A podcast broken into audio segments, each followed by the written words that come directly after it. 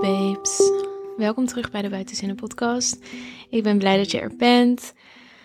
Vandaag wil ik het hebben over het idee dat helen een privilege is. Misschien heb je het zinnetje healing is a privilege wel eens voorbij zien komen op social media. En ik denk dat dit super belangrijk is om te benoemen en om het over te hebben. Ook voor mij als iemand die podcasts maakt, podcastafleveringen maakt over mentale gezondheid, traumaheling, persoonlijke groeiprocessen.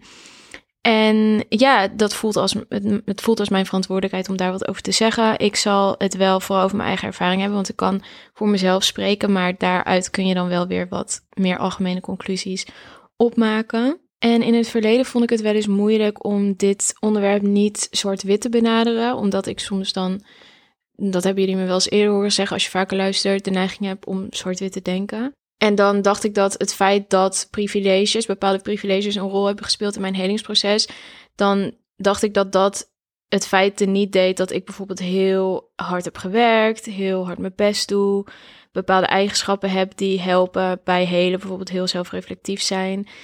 Alleen nu weet ik dat dat helemaal niet zo is en helemaal niet zo hoeft te zijn en dat dingen naast elkaar kunnen bestaan.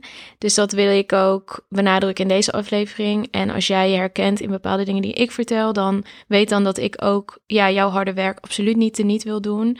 Alleen het is gewoon heel belangrijk, vooral op social media is er gewoon zoveel gelegenheid tot vergelijking. En ik denk dat dat heel vaak niet productief is en niet handig is. Maar al helemaal als het over mentale gezondheid gaat en persoonlijke groeiprocessen en traumaheling, dan is het gewoon niet nuttig om je proces te vergelijken met dat van een ander. Maar ik denk dat we dat ja, bewust of onbewust wel vaak doen. En wat heel jammer is, is dat we niet vaak dit verhaal, wat ik nu in deze podcastaflevering wil bespreken, uh, benoemen. Dus dan is het al helemaal makkelijk om ja, gewoon vergelijkingen te gaan trekken die niet echt opgaan. En een heel belangrijk stuk van het verhaal te vergeten, namelijk het meer praktische aspect dat dus gaat over privileges en geld en tijd en ruimte en kansen en mogelijkheden.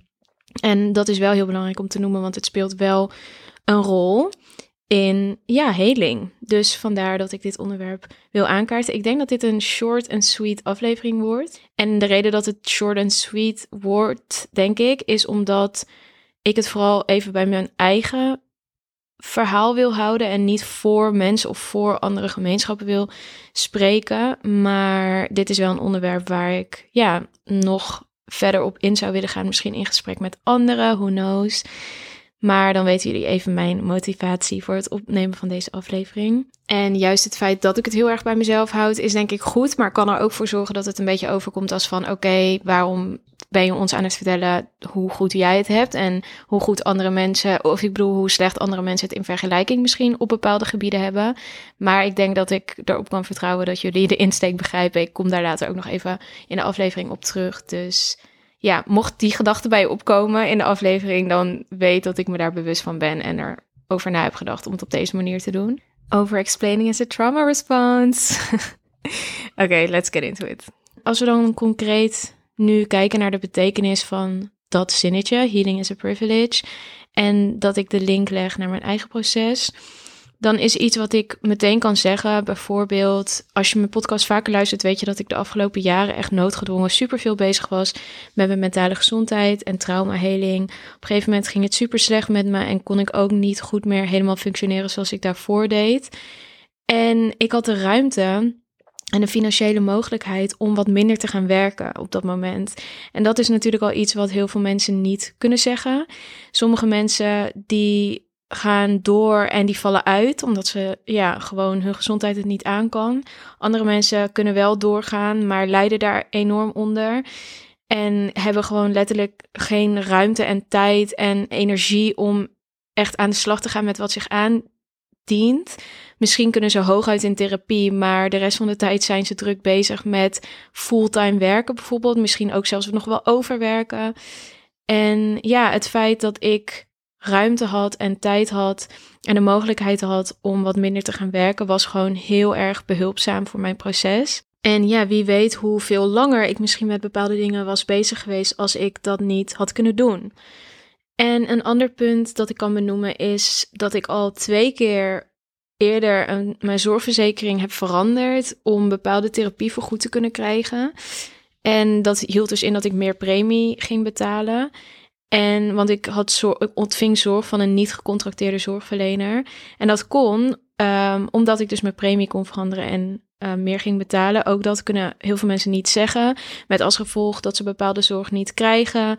Dat ze bij een therapeut blijven of terechtkomen die ze eigenlijk niet fijn vinden. Dat ze basis GGZ uh, ontvangen. Basis GGZ zorg.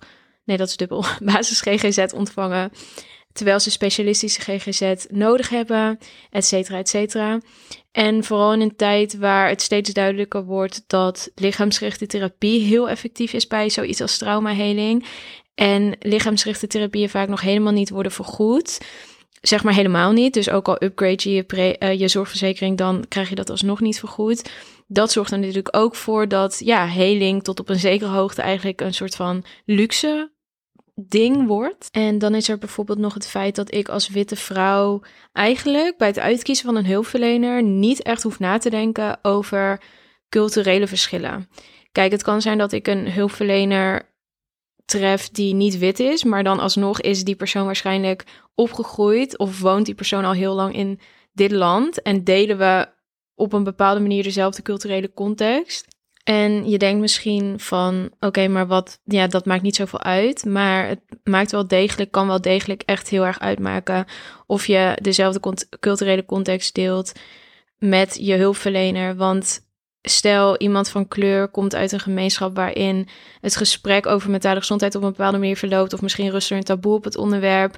Misschien heeft die persoon bepaalde ja, traditionele healing practices die, die beoefent wat dan ook, religieuze overwegingen, als dat gewoon totaal niet begrepen wordt door de hulpverlener, dan ontstaat er gewoon echt een disconnectie.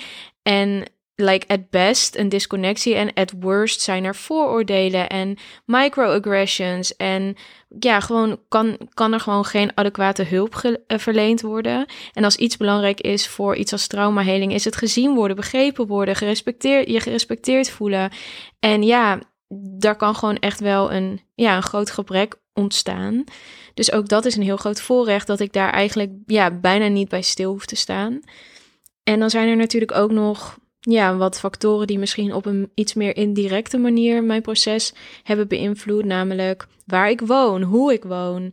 Um, dat ik geld heb om eten te kopen, dat ik me daar geen zorgen over hoef te maken. Dat ik misschien bij een werkgever eerder om hulp vraag of meer uh, makkelijker om tijd en ruimte kan vragen. En dat ik niet het gevoel heb dat ik dat niet kan doen, omdat ik constant moet bewijzen dat ik wel capabel ben en dat ik het verdien om daar te zijn. En dat mijn positie aan een zijdendraadje hangt. Natuurlijk is dat niet de ervaring van elke persoon van kleur, maar in een land waarin er letterlijk nog steeds wordt uh, gediscrimineerd op basis van iemands achternaam. Bij sollicitaties is dit wel de realiteit voor heel veel mensen. En wat doe je dan als je gezondheidsproblemen krijgt? En wat doe je dan als je mentale gezondheidsproblemen krijgt, die over het algemeen vaak nog steeds minder serieus worden genomen dan fysieke gezondheidsproblemen? Nu kan ik dus wel, dit is ook waarom ik zei van ik focus op mijn eigen ervaring, want ik kan nu natuurlijk duizend en één situaties bedenken over mensen die minder bevoorrecht zijn dan ik. En dat wordt denk ik een beetje ongemakkelijk, want dan ga ik voor andere mensen spreken.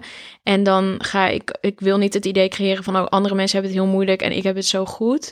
Dus eigenlijk wilde ik vooral op die manier gewoon een korte reminder delen. Als jij dingen ziet op social media, als je het in je omgeving hoort, denk altijd ook aan dit stukje.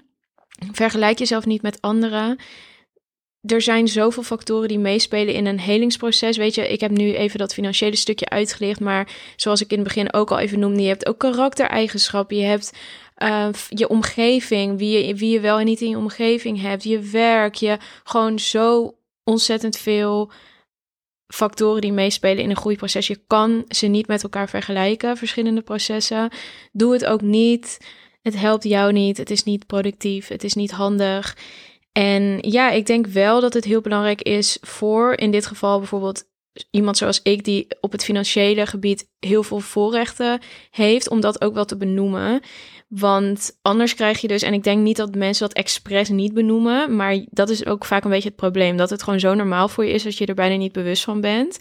En weet je, andersom vergelijken kan ook, hè, dat ik over iemand anders denk van, nou, uh, Weet je, je kan toch gewoon dit doen of je kan toch gewoon dat doen of je, je weet je, duurt het zo lang. Niet dat ik dat ooit denk, maar dat zou iemand in mijn positie kunnen denken als die persoon compleet vergeet dat ja, niet iedereen deelt dezelfde omstandigheden, krijgt dezelfde kans, heeft dezelfde mogelijkheden. Dus ik denk dat het wel belangrijk is om dat te benoemen zonder in een bepaalde rol te schieten van oh, ik voel me schuldig of inderdaad wat ik net zei voor anderen spreken of doen alsof anderen dan zo slecht hebben en dat allemaal gaan invullen. Dat is niet mijn intentie. Maar nogmaals, ik denk dat het wel wat vaker mag gebeuren dat in ieder geval deze dimensie van heling, op wat voor manier dan ook, dus het kan van, van allerlei kanten kan het belicht worden, maar dat het in ieder geval belicht wordt. Want ik mis dat, op, vooral op social media, zoals ik zei, mis ik dat gewoon heel erg. En ja, deze, bij deze reminder, het speelt wel echt een rol. Dus ik uh, stimuleer je, moedig je aan, dat wil ik zeggen. Ik moedig je aan om ja, eventjes te reflecteren op, misschien is dat al heel voor de hand liggend, hoe dat bij jou impact heeft op je proces, misschien wat minder. Ja, denk daar eens over na of denk er eens over na de laatste keer dat jij je met iemand vergeleek. Misschien heb jij dit aspect toen ook helemaal niet overwogen. Als je dat nu alsnog doet, ja, kijk je er dan anders naar. Of de volgende keer dat je merkt dat iemand anders dit hele aspect van heling op een bepaalde manier vergeet of dingen projecteert op anderen of aannames maakt. Ja, ga daar eens het gesprek over aan. En dan om even kort af te sluiten. Ik, wat heel erg bij mij helpt, want ik heb wel de neiging om me dan bijvoorbeeld schuldig te voelen. En ja, ik kan daar gewoon heel erg over piekeren. En dat is ook niet productief, want dan kom ik in een soort van spiraal terecht waar niemand iets aan heeft, zeg maar. Dus wat bijvoorbeeld helpt, is voor mij niet dat het moet trouwens, even tussendoor. Als jij in eenzelfde positie zit als ik, dan denk ik niet per se dat het moet dat je daar dan vervolgens wat mee doet om het voor anderen makkelijker te maken. Weet je, dat wil ik niemand opleggen, maar ik denk wel dat het, ja, als je de mogelijkheid hebt, is het goed om te kijken wat je kan doen. En ik zelf ben bijvoorbeeld vrijwilliger, grotendeels vrijwilliger, voor, bij een stichting, de Safe Space Club. Als je me op Instagram volgt, dan zie je dat vast wel eens voorbij komen. En wij helpen, wij bieden grotendeels gratis hulp aan slachtoffers van seksueel geweld. En zoiets, ja, dat is gewoon zo, dat geeft zoveel voldoening om dan ja, terug te kunnen geven. Weet je, dan denk ik juist omdat ik bepaalde voorrechten had, heb ik ook relatief snel misschien bepaalde stappen kunnen maken. En hoe fijn dat ik dat nu dan weer, dat ik met mijn kennis en ervaring dan weer anderen kan helpen die misschien niet in die positie zitten en die anders geen hulp hadden kunnen krijgen omdat dingen niet worden vergoed of wat dan ook. En dat ze dan nu toch bij ons terecht kunnen. Dus dat uh, er zijn genoeg manieren om, ja, gelukkig steeds meer ook om wel hulp te krijgen. En ook om als je in een bevoorrechte positie zit, ook terug te geven. Dus dat is denk ik voor alle betrokkenen fijn en geruststellend. Oké, dit was even een quickie, like I said. Maar dat is ook wel eens fijn. Gewoon even een tussendoortje, een reminder voor jullie. Let me know als jullie hier gedachten over willen uitwisselen, opmerkingen over hebben of vragen. Mijn inbox staat open. Je kunt me, kunt me het beste een berichtje sturen op Instagram. Nathalie.meertens is mijn gebruikersnaam. En dan zie ik jullie heel graag weer bij de volgende aflevering.